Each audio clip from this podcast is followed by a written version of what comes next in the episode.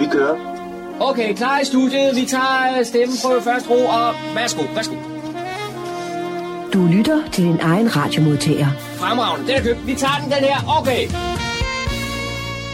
Og så siger vi goddag og rigtig hjertelig velkommen her til programmet, der hedder Morgengrøden. Min navn er Kurt Kammerskov, og i de næste to timer skal vi bringe en masse indslag her fra lokalområdet. Og vi skal også spille en masse god musik, håber vi i hvert fald. Vi skal først lige kigge på den næstens øh, smørbrødsedlen, der fortæller lidt om, hvad det er for noget, vi har med i dag. Og øh, jeg kan da sige, at vi har været er på besøg ude på Blindecenter Bredegård herude i Fredensborg. De er nemlig udsendt en, øh, en nødråb. De mangler nemlig opgaver ude på deres værsted. Og derfor så øh, sendte vi John Marco afsted derude og fik en snak med nogle af med beboerne derude og nogle af pædagogerne derude. Høre, hvad det er, det går ud på. Hvad er det for noget arbejde, de godt kunne bruge ude på deres værsted derude. Det skal vi høre om her først i udsendelsen. Så er John Marco også her den øh, 14. januar, der var han nede på kirkegården nede i Niveau, og, og det var i forbindelse med, at øh, der var en markering af, at det er 100-årsdagen for godsejer Johannes Hages død. Og Johannes Hage, ja, det er, er jo sikkert rigtig mange, der ved, øh, hvad, hvad han er. Der er sikkert også nogen, der ikke ved det, men øh, det får vi så også belyst her i løbet af formiddagen. Og så har John Marco også været en tur nede på Mærveltoften her nede i Niveau, hvor han var nede i det deres aktivitetscenter, og på, plejecenteret nede i Mærveltoften hedder det vist. Ja.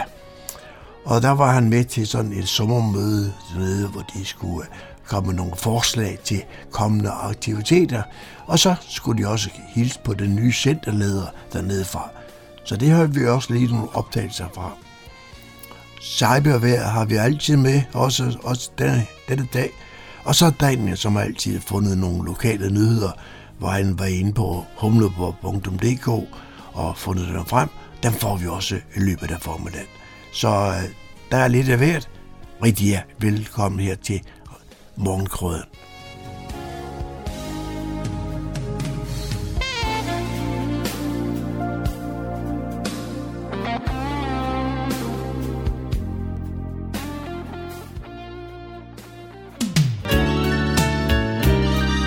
lytter til Morgenkrydderen. I studiet er det Kurt Kammerskov.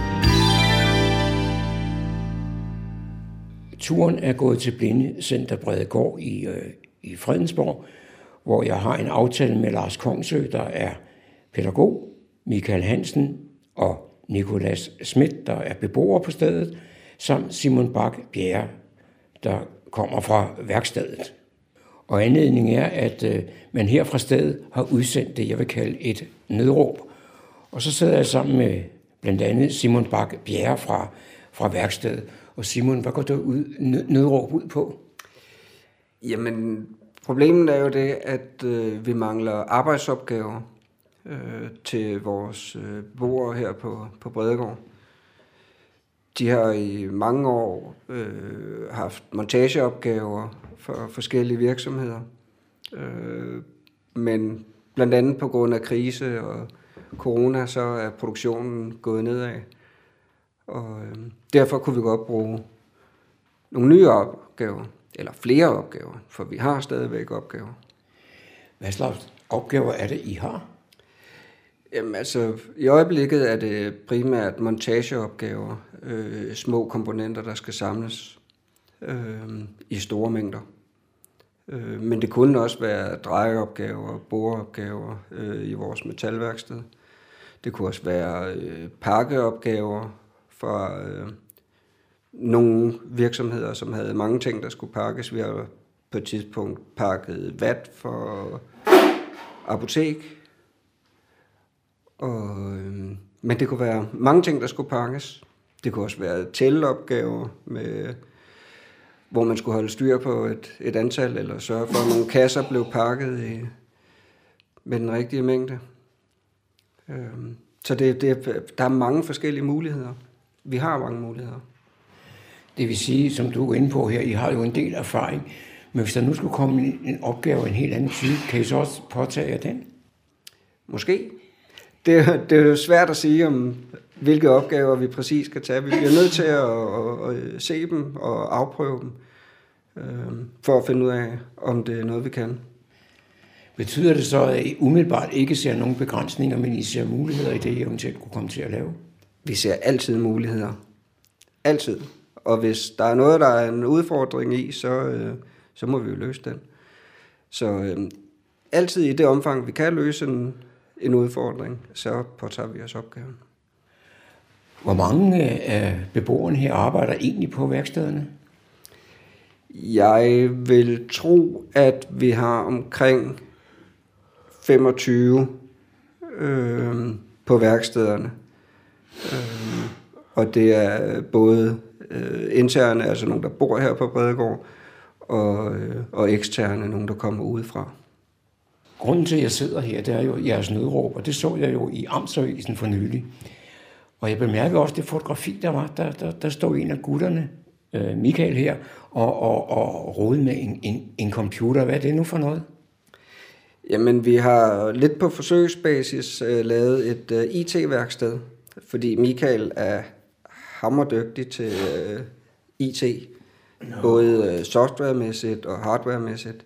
Uh, kan Michael lave de fleste ting. Og han kan faktisk uh, skille en computer, en stationær eller en bærbar, og, og samle den igen. Uh, og det skal så lige siges, at Michael har altid været helt blind. Så det er, det er ret utroligt, at det kan lade sig gøre.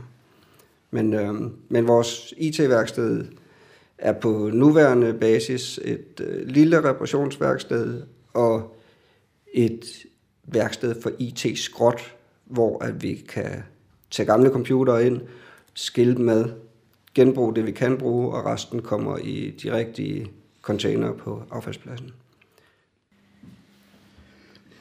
På min venstre side, der sidder en af beboerne her, nemlig Michael Hansen. Og Michael, den artikel, som var i Amtsavisen den anden dag, der brillerede du også. Du stod og rode ved, ved en computer. Hvad har fået dig i, i gang med det? Jamen, det er blandt andet fordi, at uh, computer er, er et emne, som har interesseret mig i mange år. Siden jeg var jeg har været 11-12 år eller sådan noget. Og nu er jeg, i dag er jeg 33, så... Men, øh, og så har jeg gerne vil arbejde med det i rigtig mange år, men fordi at jeg øh, har to handicap at slås med, som gør, at jeg ikke kan være på det almindelige arbejdsmarked, så er jeg nødt til at være sådan et sted som her. Øhm, men i de fleste af de år, jeg har været her, jeg har snart været, jeg har været her i lidt over 10 år nu, der har, øhm, der har der ikke rigtig været, øhm, mulighederne har ikke rigtig været, jeg ved egentlig ikke hvorfor, men der har i hvert fald ikke været muligheder for det. Jeg har snakket om det, øh, efter Simon kom, har vi snakket om det flere gange, hvor det aldrig rigtig er blevet til noget, men så her i foråret sidste år, der kom Simon så lige pludselig med nogle gamle computere, han havde fundet, og så sagde han, øh, om jeg havde lyst til at, om jeg kunne huske, øh, at vi havde snakket om, øh, om at prøve at lave øh, IT-værksted, og så sagde jeg, at selvfølgelig kunne jeg da huske det. Øhm, fordi han så kom han med nogle gamle computere, som øh, jeg kunne få lov til at sidde og øve mig på at skille, lade, samle, øh, slette, installere og alt sådan noget der. Som Simon sagde for et øjeblik siden, så er du totalt blind og har altid været det. Selv mig, der har mine sensors fulde brug, synes det der med at rode med en computer, det, det er noget af en jungle. Hvordan er du sådan set... Altså, en ting er, at, at du har interessen, men derfra så til at kunne reparere? Jamen, altså, jeg vil så også... Altså, det har jo også været... Øhm, altså, det har jo også... Der har jo selvfølgelig været en indlæringskurve for mig. Fordi at øh, indtil... Øh, indtil der i foråret sidste år, der var jeg mest, øh, øh, der var jeg stort set kun øh, softwaremand, altså det vil sige, der var det stort set kun øh, øh, altså programmer og styresystemer og sådan noget, som jeg øh, kunne finde ud af, hvordan fungerede. Øh, man kan sige, jeg har da øh, nogle gange gennem tiden siddet haft en, for eksempel en harddisk eller sådan noget i hånden, ikke? men det der med at skulle sidde og, og, og reparere på ting, det er faktisk først noget, som jeg er begyndt at kunne efter øh, her fra, fra øh, foråret sidste år af.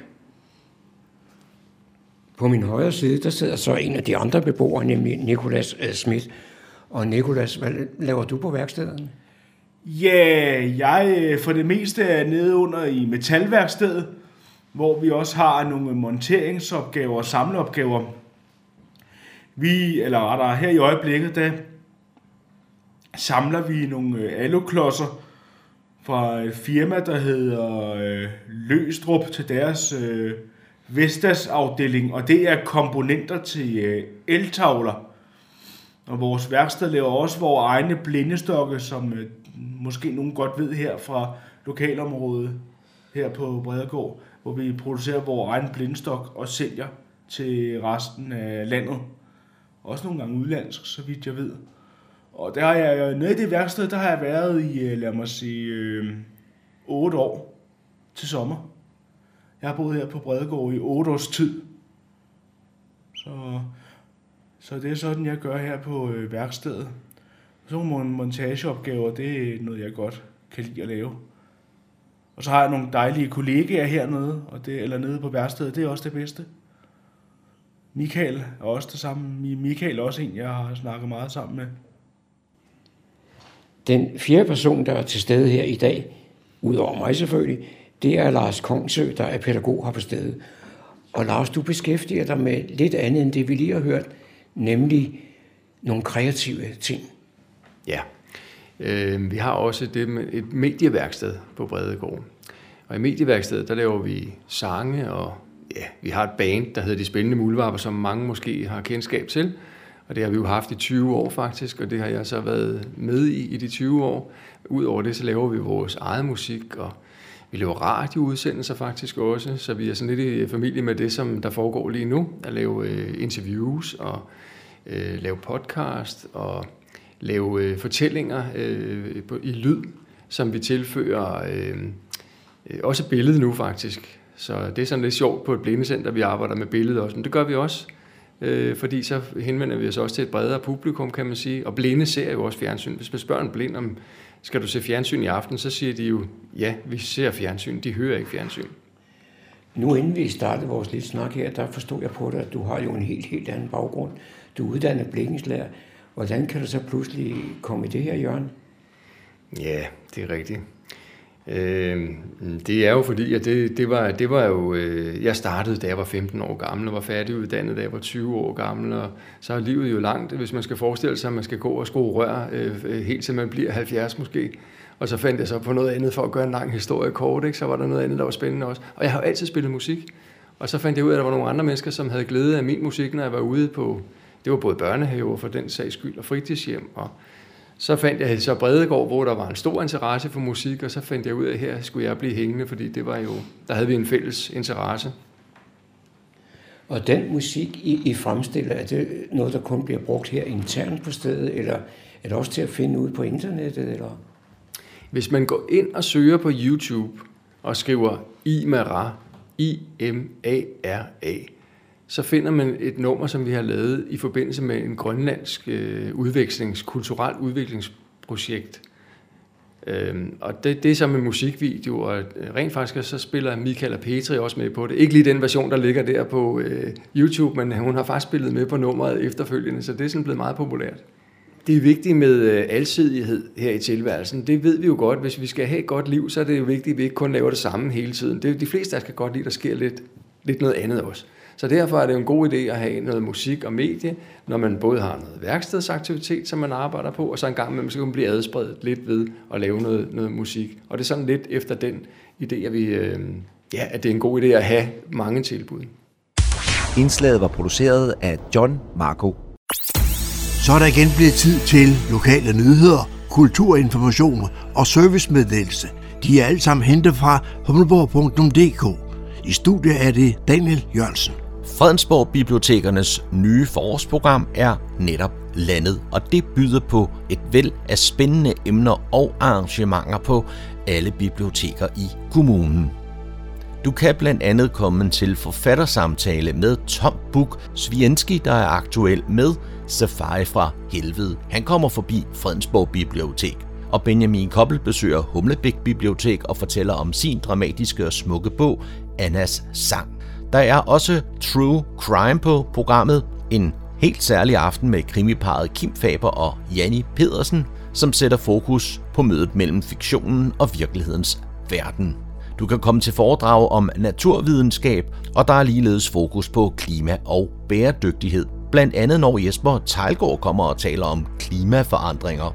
For børnene kan man til foråret opleve Christian Gentberg fra Ramachan, når han kommer og tager os med på sporet af dinosaurerne.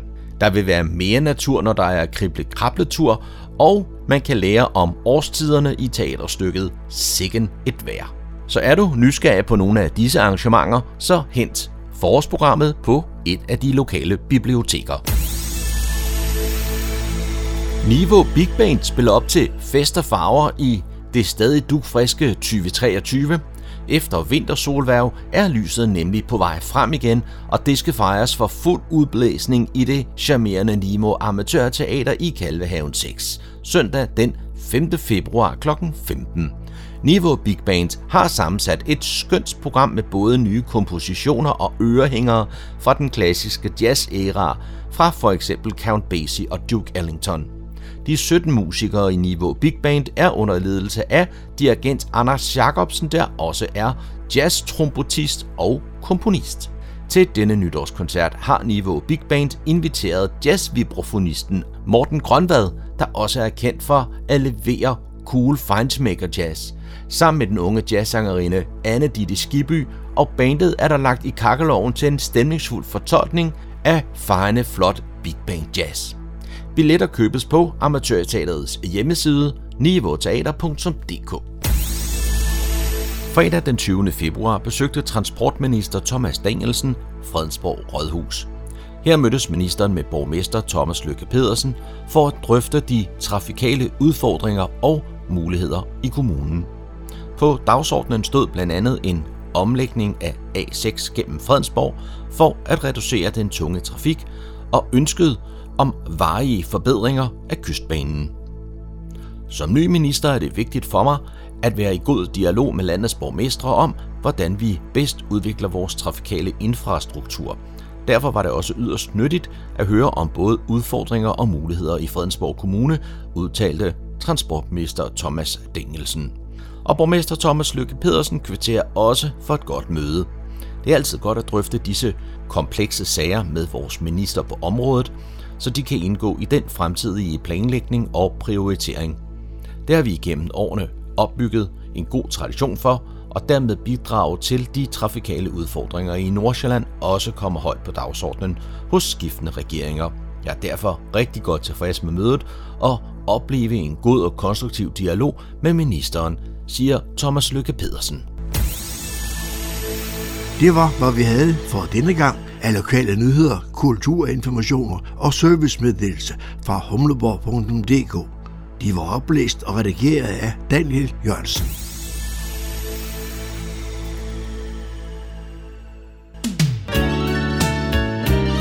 Du lytter til Morgenkrydderen. I studiet er det Kurt Kammerskov. Her på Radio Humleborg bringer vi nu et lokalhistorisk indslag. Lørdag den 14. januar var det 100 år siden, at godsejer Johannes Hage afgik ved døden.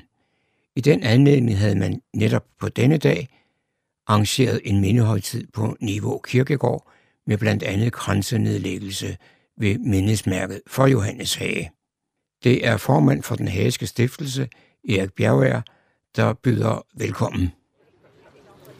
Velkommen til øh, denne grænsenedlæggelse i anledning af 100-året for, og 100-årsdagen for øh, Johannes Hages død. Mit navn er Erik Bjergager, jeg er formand for den Hageske Stiftelse. Vi indleder denne øh, lille højtidelighed med at synge Dejlig er jorden 121 i salmebogen, og der er salmebøger til alle, så jeg håber, I har fået en salmebog. Dejlig er jorden, rigtig er Guds himmel, skøn er sjælenes pilgrimsgang. Gennem de farver,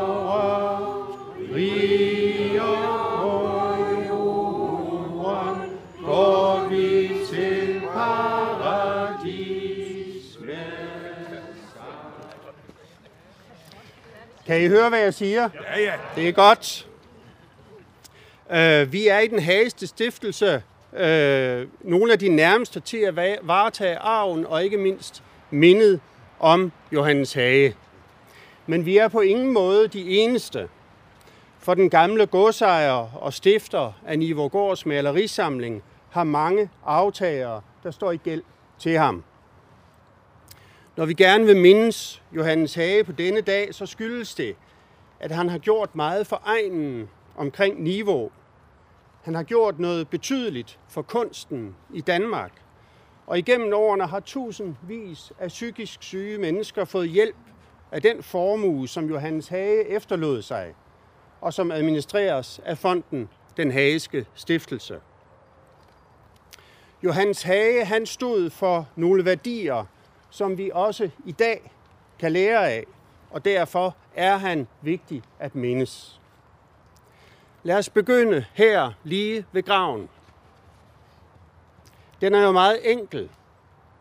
Og gravstenen fortæller bare, at her ligger en mand, Johannes Hage, født 26. maj 1842, død 80 år gammel, 14. januar 1923, i dag for 100 år siden.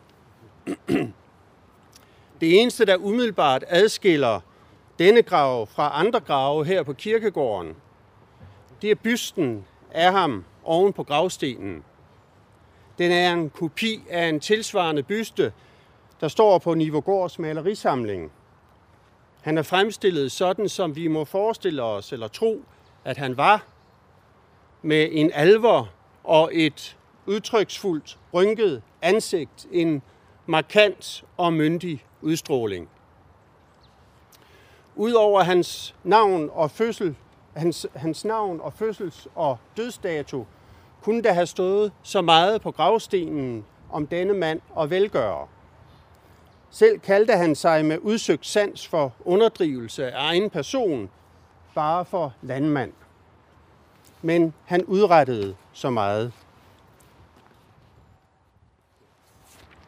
Johannes Hager var godsejer, men han var også politiker og sad i Folketinget i 25 år fra 1876 til 1901. Derudover var han også lokalpolitiker her i området. Hage overtog Nivågård fra sine forældre. Han udviklede teglværket med ringovnen til at blive en stor forretning. Han finansierede bygningen af Slettenhavn og var blandt initiativtagerne til kystbanen. Han blev rig på at levere mursten til opbygningen af København, af Østerbro, Nørrebro og Vesterbro, som jo blev udbygget i de år. Han oprettede den første sygekasse for ansatte, og han stiftede Nivågårds Hospital for kronisk psykisk syge, det som i dag er Johannes Hages hus. Han finansierede bygningen af Niveau Kirke, som vi står ved, og han gjorde meget for sin ansatte. Han var socialt bevidst. Som ung havde han kæmpet øh, i 1864 ved skanserne i Dybøl og var blevet såret. Han var stærkt nationalt sindet, også på en måde, som man har svært ved at forstå i dag. Hans hjerte bankede for alle trængte folkeslag, og han nærede en særlig kærlighed for de forfulgte og truede kristne armeniere. Han var så engageret, at han også selv ville deltage ved fronten, når uretfærdighedssansen blev aktiveret hos ham. Men da han som 72-årig meldte sig under fanerne i 1. verdenskrig, der skred hans familie ind og fik ham stoppet. Johannes Hage opbyggede grundstammen i Nivågårds malerisamling, som i dag har udviklet sig til at være en lille perle af et kunstmuseum i Danmark. Og ved sin død efterlod han øh, alt anden ejendom til den fond, der som sagt fik navnet Den Hageske Stiftelse. Den ejer og driver Nivågård, bygningerne, parken, jordene, skovene, også her omkring. Stiftelsen skal tjene penge på denne drift af ejendommen og give overskuddet videre til blandt andet legater til psykisk syge mennesker. Det var Johannes Hages ønske. Der havde altså været nok at skrive om på gravstenen, hvis han havde ønsket at få fremhævet sine meritter. Men det gjorde han ikke. Johannes Hage var på den måde et forbillede som et beskedent menneske. Han ville have gjort sig dårligt på Instagram og Facebook. Det var ikke hans stil at føre sig frem. Vi ved dog meget lidt om, hvad der egentlig rørte sig i ham. Men han havde formentlig en skjult side, og det er sigende, at det er på bagsiden af denne gravsten, at der står de ord, som ikke fremhæver Johannes Hages indsats i livet, men måske alligevel siger noget om, hvad der virkelig blev bestemmende for ham. Hvis I ikke har set ordene, kan I se dem bagefter, men nu læser jeg op eller fortæller, hvad der står. Det er et uddrag af et digt, skrevet af Henrik Hertz i 1834. Digtet er citeret flere steder, også af Johanne Louise Heiberg, der bruger det i sine erindringer, hvor hun klogt konstaterer, at det hører med til et menneskes liv at have haft smerter, som ingen kender. Strofen fra digtet lyder sådan. Der er tårer, ingen kan beskrive, tårer, ingen gerne taler om. Gråd, der må en hemmelighed blive mellem os og Gud, fra hvem den kom. Vi ved ikke, hvilken smerte Johannes Hage har levet med, eller hvorfor han græd de tårer, som ingen gerne taler om. Man kan spekulere.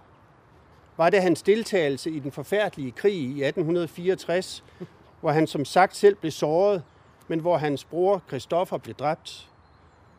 Var det den, der forfulgte ham livet igennem? Fik han posttraumatisk stress, sådan som vi i dag vil kalde det? Eller led han af depression eller en anden psykisk sygdom, siden han testamenterede sin formue til også at hjælpe netop psykisk syge?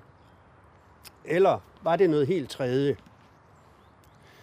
Der var noget kristent betinget over hans gerning. Han gav jo også Niveau sin kirke. Og det var som om, at han var fokuseret på dette, at hver enkelt menneske skal bruge sit liv på at tage ansvar for det, der nu engang er lagt hen til en. Vi er sat i verden for at tage ansvar for andre, ikke for at løbe fra det. Af Johannes Hage kan vi lære, hvor vigtigt det er at tage ansvar og bruge sit liv på at engagere sig til gavn for andre.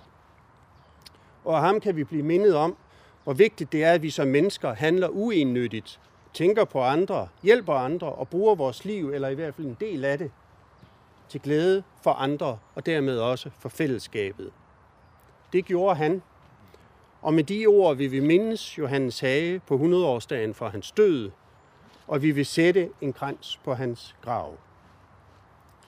Og så vil jeg bede øh, direktøren for den hageske stiftelse, Peter Tom Petersen, og direktøren for Nivogårds malerisamling, Andrea Karberg, om at lægge kransen. Efter Erik Bjergørs tale er det Iben skiftet Klæsø fra menighedsrådet, der taler. Jeg vil på hele menighedsrådet, kirken og personale vegne også byde velkommen til jer alle sammen. Selvom ingen mere har kendt Johannes Hage personligt, er vi, som vi også har hørt, øh, mange, der er Johannes Hage dybt taknemmelig for hans store lokale betydning i Niveau og omegn, og for hans nationale og sikkert også internationale indflydelse med malerisamlingen.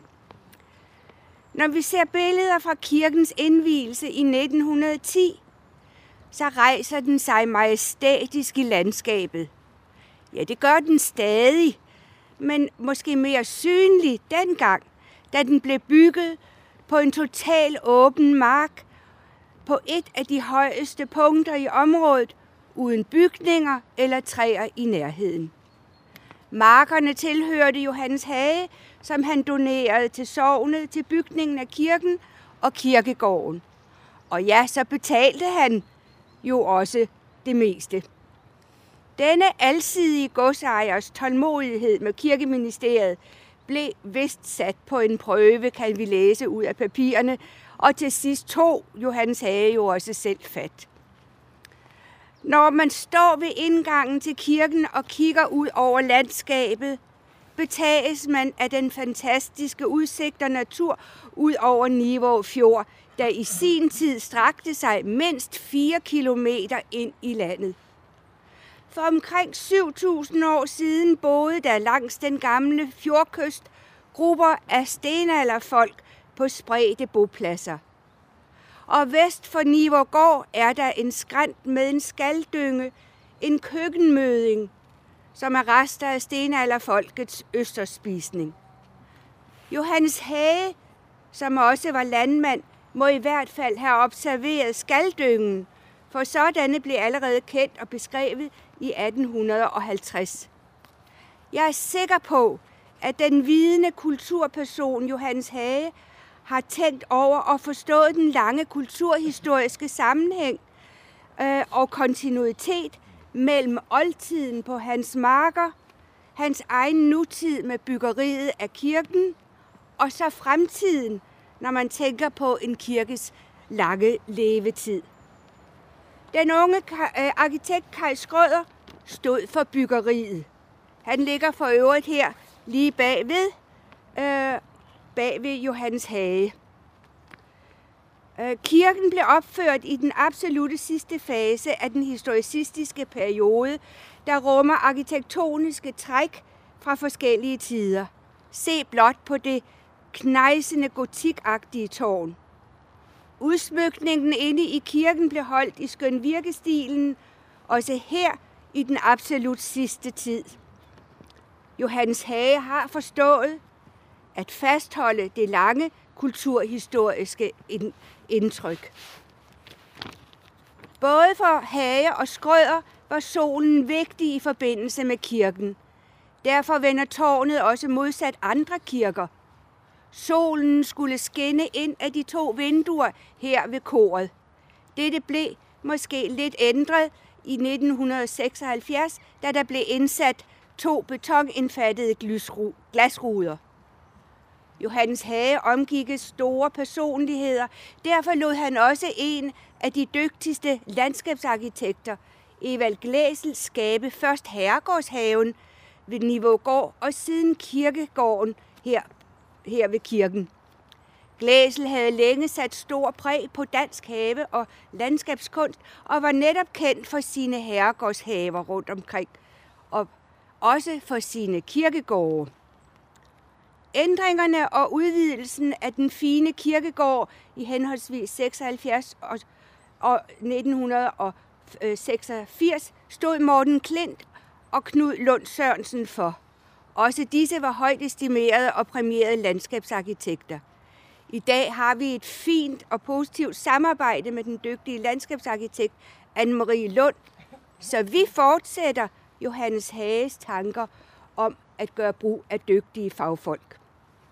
Samtidig har vi et yderst fint samarbejde her på Kirkegården med den hagenske stiftelse øh, under ledelse af først Jørgen Hage og nu øh, Peter Tom Petersen. Tusind tak for det. Det var John Marco, der havde produceret dette indslag. Du lytter til morgenkrydderen.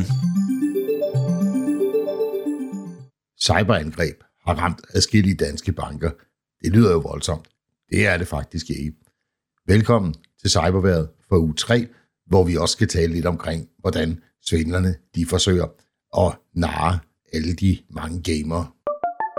Cyberværet med IT-sikkerhedseksperten Leif Jensen. I den forgangne uge har vi kunne læse i stort set alle landets aviser, at adskillige banker og finansministeriet og hvad ved jeg, har været ramt af cyberangreb. Og når man skriver cyberangreb i en overskrift, jamen så lyder det jo meget dramatisk.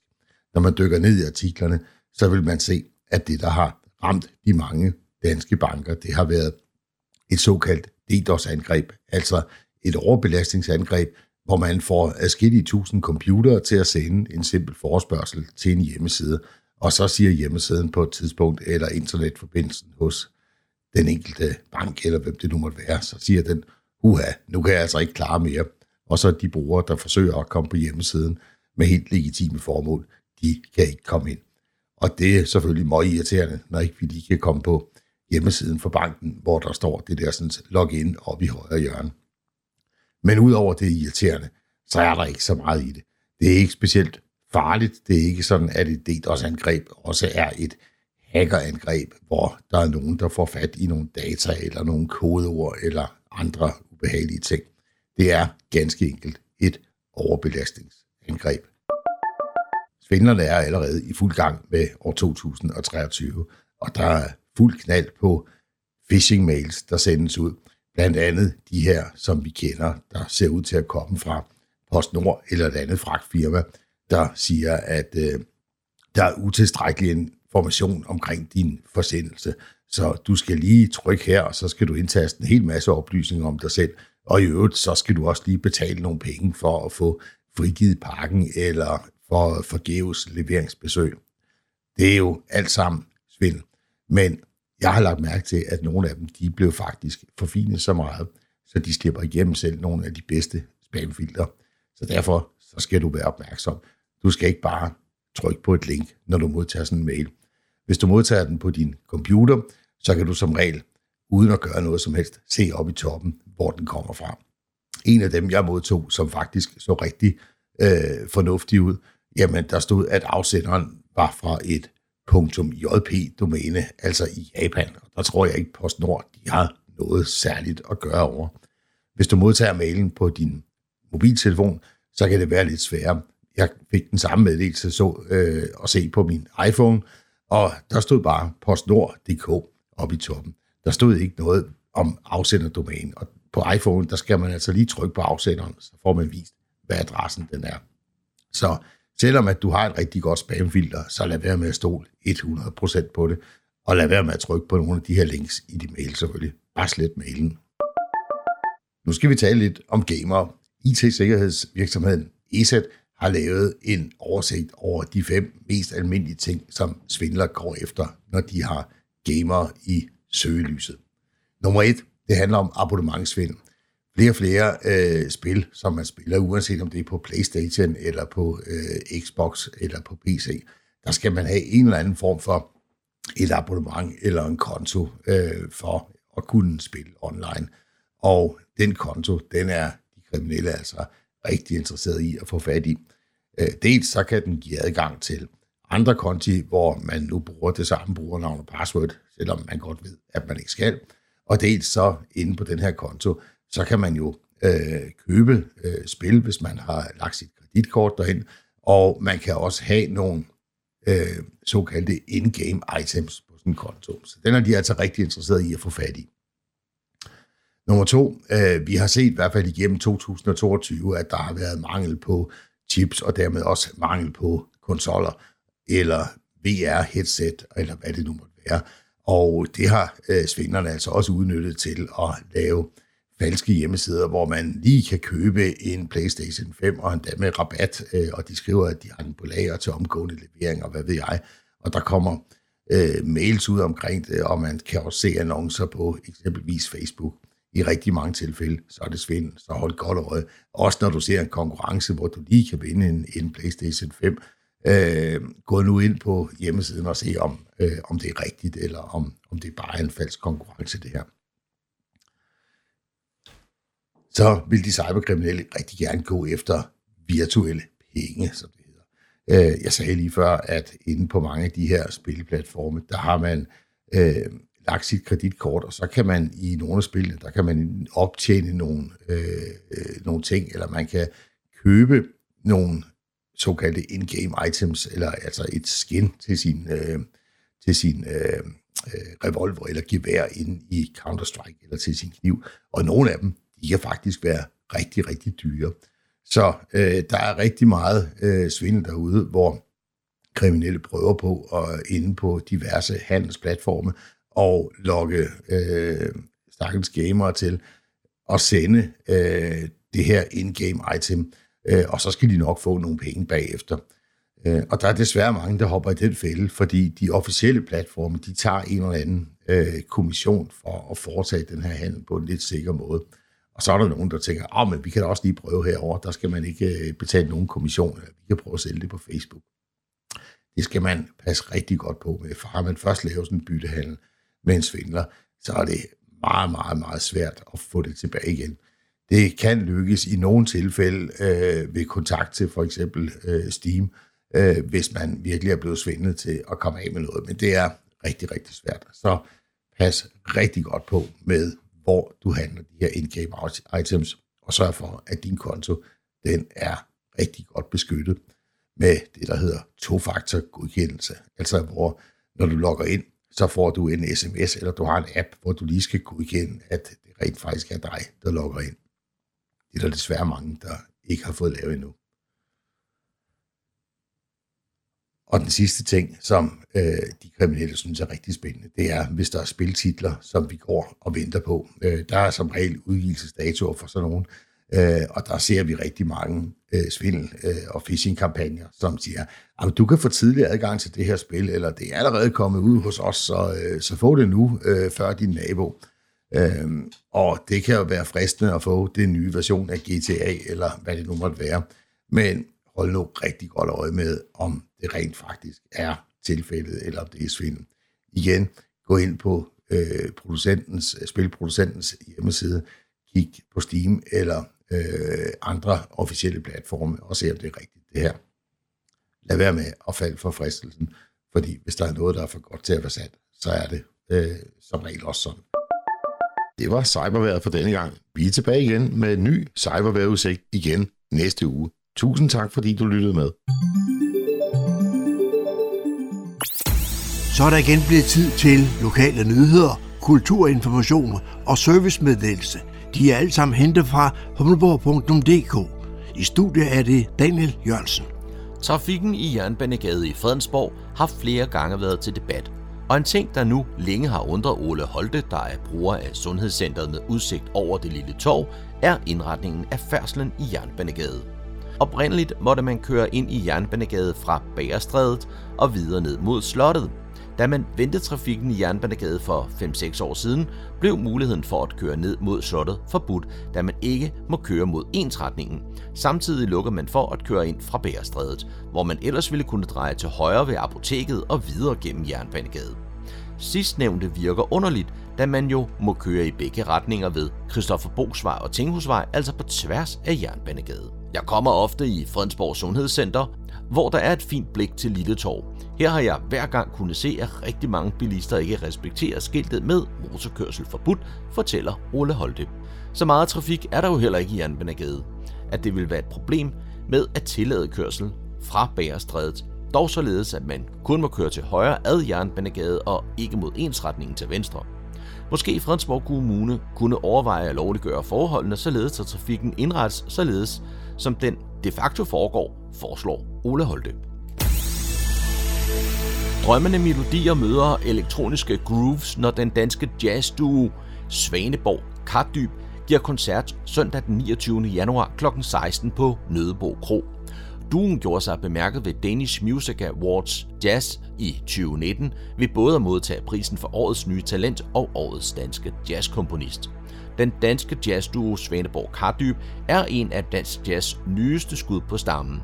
Efter udgivelsen af debutalbummet Knob i foråret 2019 fulgte et hæsblæsende år med massiv opmærksomhed og anmelderoste koncerter i både ind- og udland. Duoen består af keyboardspilleren Nikolaj Svaneborg og trommeslageren Jonas Kardyb, og de to musikere skaber et unikt og behageligt univers, helt blottet for show-off. Det er et afslappet helle, et mærkbart nærvær og et umiddelbart glæde, der fremelskes på keys og trommer med udsøgt teknisk snille. Billetter til koncerten købes ved indgangen eller i forsalg på forsamlingshusets hjemmeside nøde-kro.dk. Der er gratis adgang, hvis man er indehaver af et årskort.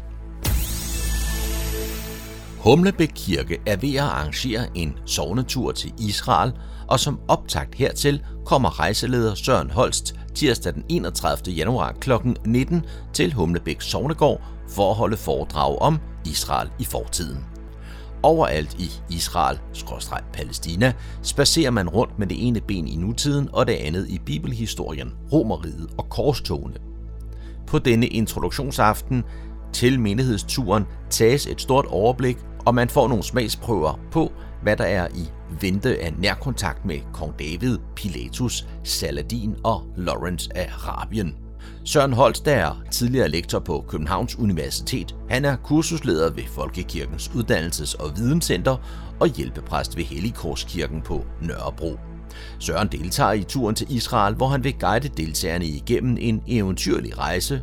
Og selvom man ikke deltager i menighedsturen, så kan man sagtens overvære foredraget. Og det er altså tirsdag den 31. januar kl. 19 i Humlebæk Sognegård. Det var, hvad vi havde for denne gang af lokale nyheder, kulturinformationer og servicemeddelelse fra humleborg.dk. De var oplæst og redigeret af Daniel Jørgensen. Du lytter til morgenkrydderen. Jeg er taget til aktivitetscenter på plejecenter Mærveltoften i, i Niveau, og her der sidder jeg sammen med en af de aktive, nemlig Lennart Bernstein. Lennart, hvad er der skal ske her i dag? Ja, i dag er det meningen, at vi skulle gerne se nogle andre mennesker end dem, der normalt kommer her. Fordi vi vil gerne vise, hvad vi kan, hvad vi formår af aktiviteter, både indendørs og udendørs, alt efter hvor meget energi, hvor mange kræfter, hvor meget fysisk mulighed folk har. Men øh, udover at I vil fortælle, hvad der sker så har I også ligesom en, et summemøde om, at folk kunne ønske, hvad, hvad der skal ske. Det er rigtigt. Der er altid nogen, der går rundt med nogle idéer om, hvad man kunne foretage sig, øh, og hvorfor gør man ikke dit, og hvorfor gør man ikke dat. Og det er jo ikke altid, vi er opmærksomme på det hele, så derfor ville det være en rigtig god idé, hvis der kom andre til os og fortalte os, jamen hør nu her, var det ikke en idé at lave dit eller dat eller et eller andet, og hvis det er muligt inden for de økonomiske rammer, jamen så vil vi da meget gerne gøre det. Og hvordan skal det forarbejde foregå? Ja, det skal foregå på den måde, hvis vi får idéerne, så vil vi jo gå videre med det, både internt i gruppen, med ledelsen af selve Mærveltoft, og eventuelt nogle kommunale personer også, der har med det at gøre, for på den måde at se, hvad muligheder er der. Det er jo ikke, det er jo ikke begrænsningerne, vi skal gå efter, det er mulighederne. For ikke at samle alle de idéer, så har I jo lavet et eller andet øh, oplæg. Ja, det har vi. Vi har jo vores øh, almindelige brugerrådsmøde, som før i tiden var en gang om måneden, men øh, det blev bare til lidt småsnak og, og ikke noget andet. Så fandt vi ud af at skære det ned til fire gange om året, hvor vi to gange om året ville lave cafémøder, hvor andre mennesker også kunne komme med idéer og oplæg til nogle ting. Og derfor fandt vi så ud af, at cirka tre uger før, der var øh, cafémøderne, lavede vi brugerrådsmøde, hvor vi lavede oplæg til, hvad skal vi gøre, hvad skal der ske, hvad kan vi gøre nye tiltag, fremlægge det for forhåbentlig nye personer, der kommer her, samtidig med, vi som sagt vil modtage deres idéer og gøre noget af det. Men forarbejdet ligger altså i, hvad muligheder kan vi hele taget lave for dem.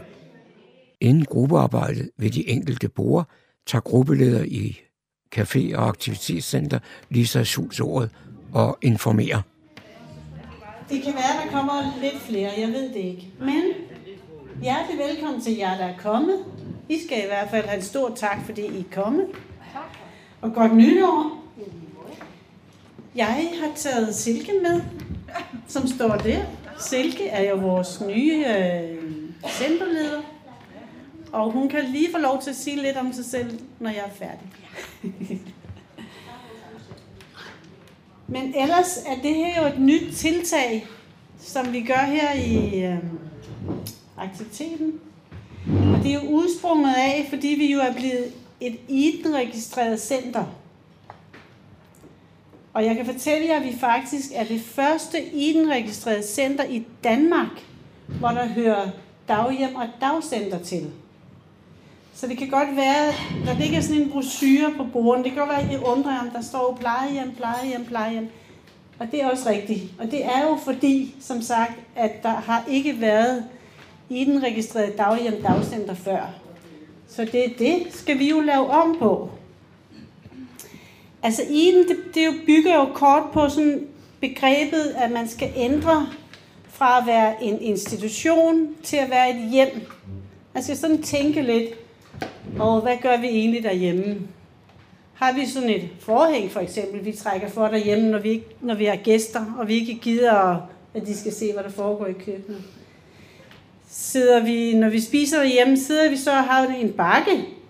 Nej, altså der, der er sådan nogle små ting, man ikke kan tæ- henføre det til, hvad gør jeg egentlig derhjemme?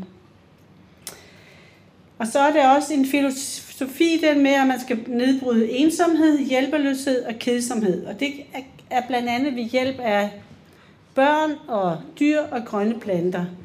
Og der gør vi jo, og har gjort det i flere år, det der med, at vi får børn på besøg til Lucia, og vi har også haft øh, noget slå, slå en katten af tynden, og også der nogle af os, der er så heldige har børnebørn, og vi har dem med hernede, og I har sikkert også set, at der engang imellem går nogle hunde her forbi. Øh, og det I også har børnebørn med, eller oldebørn, det er jo også hyggeligt. Altså det der med at blande generationerne. Og faktisk sætningerne, der hedder fra institution til hjem, og den sætning, som kommer her, passer rigtig godt til os. Fra tilskuere til deltagere. Og det er sådan lidt det, jeg sådan meget kort og godt synes, det går ud på. I kan kigge i den der folder, der er på, øh, som ligger rundt om bordene. Den, den uddyber lidt mere, hvad det er i den er. Og så er det altså lidt, jeg tænker, hvordan øh, kan vi udvikle i den her på Mavltoften? Og hvordan vil vi arbejde med det? Og hvordan skal Mavltoften egentlig se ud i fremtiden? Altså det har jo sådan været, selvfølgelig i samarbejde med jer, men det har jo været meget os medarbejdere, der egentlig har besluttet, jamen hvad er det, der skal ske i løbet af året. Øhm, vi plejer jo at have sådan en, uge, en årlig dag, vi tager ud af kalenderen, hvor vi så planlægger. Men det kunne vi rigtig godt tænke os, at I kom mere med ind på banen, så det blev mere det der hjemlighed. Og hvad er det, I gerne vil? Så det håber jeg virkelig på, at vi kan tage lidt hul på her i eftermiddag.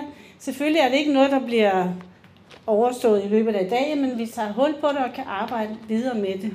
Øh, og så øh, regner vi med en lille times tid, eller hvad vi tænker. Vi ser, hvordan snakken går, og hvor meget I er op og køre, og ja, ja, ja, det ene ord tager det andet. Øh, og øh, vi medarbejdere, vi trækker os lidt tilbage, fordi ja, vi synes, det er jer, der skal være på. Og selvfølgelig, hvis der er et eller andet, I vil spørge om, så er vi her jo. Det er ikke sådan, at vi går vel. Farvel. Altså, ikke, vi går ikke hjem. øhm, og kaffe og kage er der i dag, og det er gratis. Vi har jo både Mærvelbæksen og brugerrådskassen, så det er dem, banko. Bankokassen, det er det, der betaler det i dag. Så jeg håber, vi får en hyggelig eftermiddag. Og det er dejligt, at dem jer, der er her, er her. Så alle dem, der ikke er her, de går jo glip af noget, kan vi jo så sige, ikke? Ja. Så nu vil jeg give ordet til Silke. Som sagt, så hedder jeg Silke Nørgaard, og jeg tiltrådte stillingen i mandags som centerleder her på Mærveltoften. Og jeg glæder mig rigtig meget til at arbejde her sammen med jer, og sammen med personalet, og sammen med beboerne, der bor inde i husene. Øh, det er første gang, at jeg skal arbejde på et øh, plejecenter, hvor vi har et aktivitetscenter, hvor der kommer brugere, som jeg er uden for byen. Så jeg synes, det er enormt spændende at møde jer og høre, hvad I har bydet ind med øh, på, i den her udviklingsrejse, som vi jo øh, er i gang med omkring Iden og hjemlighed, og hvordan vi kan gøre det til det bedste plejehjem nogensinde. Øh, jeg hedder, jeg er 46 år. Øh, jeg har været leder en del år, kommer fra en tilsvarende stilling fra Gentofte Kommune, Øh, Øh, men øh, da jeg så den her jobannonce dukket op, med det fokus på hjemlighed, med det fokus på den personcentrerede omsorg, på mennesket og individet, øh, kunne jeg simpelthen ikke lade være med at søge den, for jeg vil så gerne være med på rejsen. Øh, jeg bor i nærområdet, så det er også så dejligt at kunne svinge forbi og hilse på jer og på beboerne øh, på alle tidspunkter af dagen. Så øhm, det er bare det, jeg vil sige. Jeg glæder mig til at høre jeres øh, øh, idéer til, hvordan vi kan bringe det her videre. Så må I have en rigtig god dag.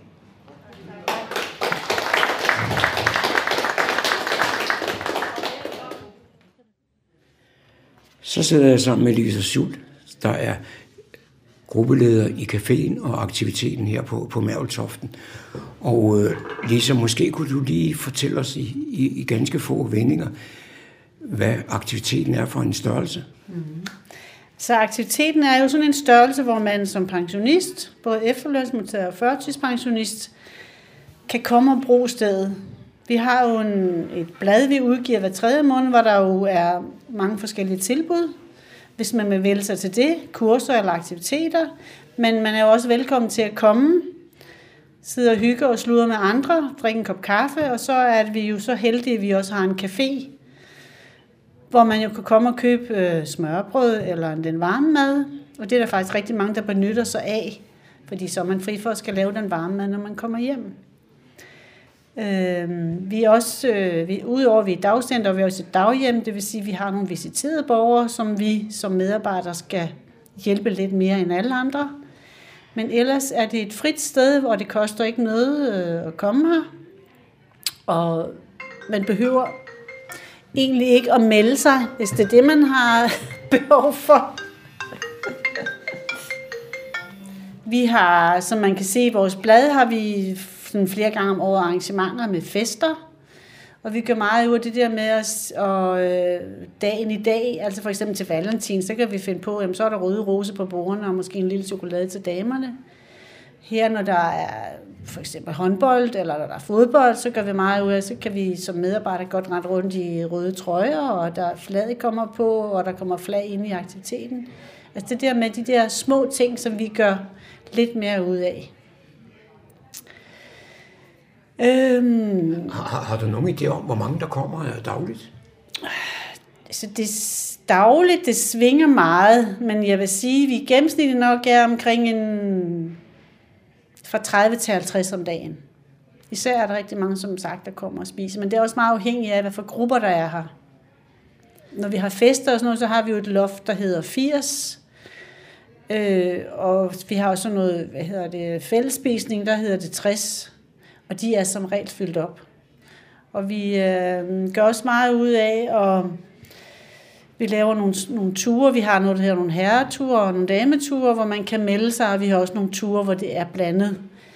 Og der har vi jo kun, øh, altså vi har jo ikke en, en, nogen reklamebus mere, altså vi låner eller leger så bus op fra Granberhus, hvor vi så kører ud, og det kan være ude i det blå. Og, og så arbejder vi jo meget ud fra, at det er vigtigt, at det, der sker her, det er noget, borgerne selv har været involveret i og gerne vil. Gerne vil. Øh, så tit er det, øh, i hvert fald i dameturen, der er det meget damerne selv, der arrangerer, hvad det er, de gerne vil, og de faktisk ringer og spørger og, og finder madsteder, og hvor vi ellers skal hen. Ikke? Efter debatten ved de enkelte borgere har kørt i en times tid, er der tilbagemeldinger. Altså, det er ikke for, at jeg skal afbryde en god snak med, fordi jeg kan høre, der er gang i den. Men, men hvad ting, har I brug for mere tid, eller? Nej. Men vi er jo lidt nysgerrige. Er der sådan... Ja. Kan vi få løftet bare lidt sløret af, hvad der sådan er kommet frem? Snyde? Ja, vi starter med, med rosen. Med rosen? Ja, det er jo hurtigt færdigt. Nej. Jamen, det er det, hvad folk har sagt. Sådan, at det er hyggeligt positivt, masser at tale med, rart øh, have en god, øh, have en god og billig mad. Og, og så stor ros til hele personalet.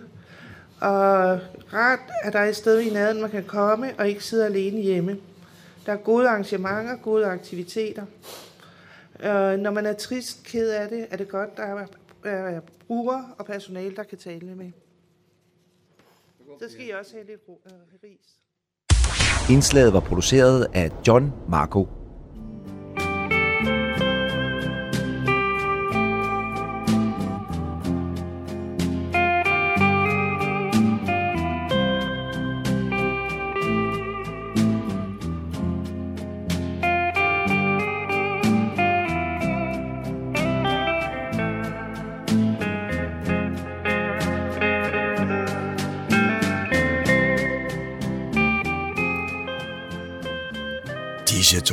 fortæller os, at vi er nået til afslutningen på denne uges udgave af programmet, der hedder Morgenkrøden. Her fra redaktionen, som består af undertegnet, jeg hedder Kurt Kammersgaard. Ja, der siger jeg tak for nu, og på genhør en anden god gang.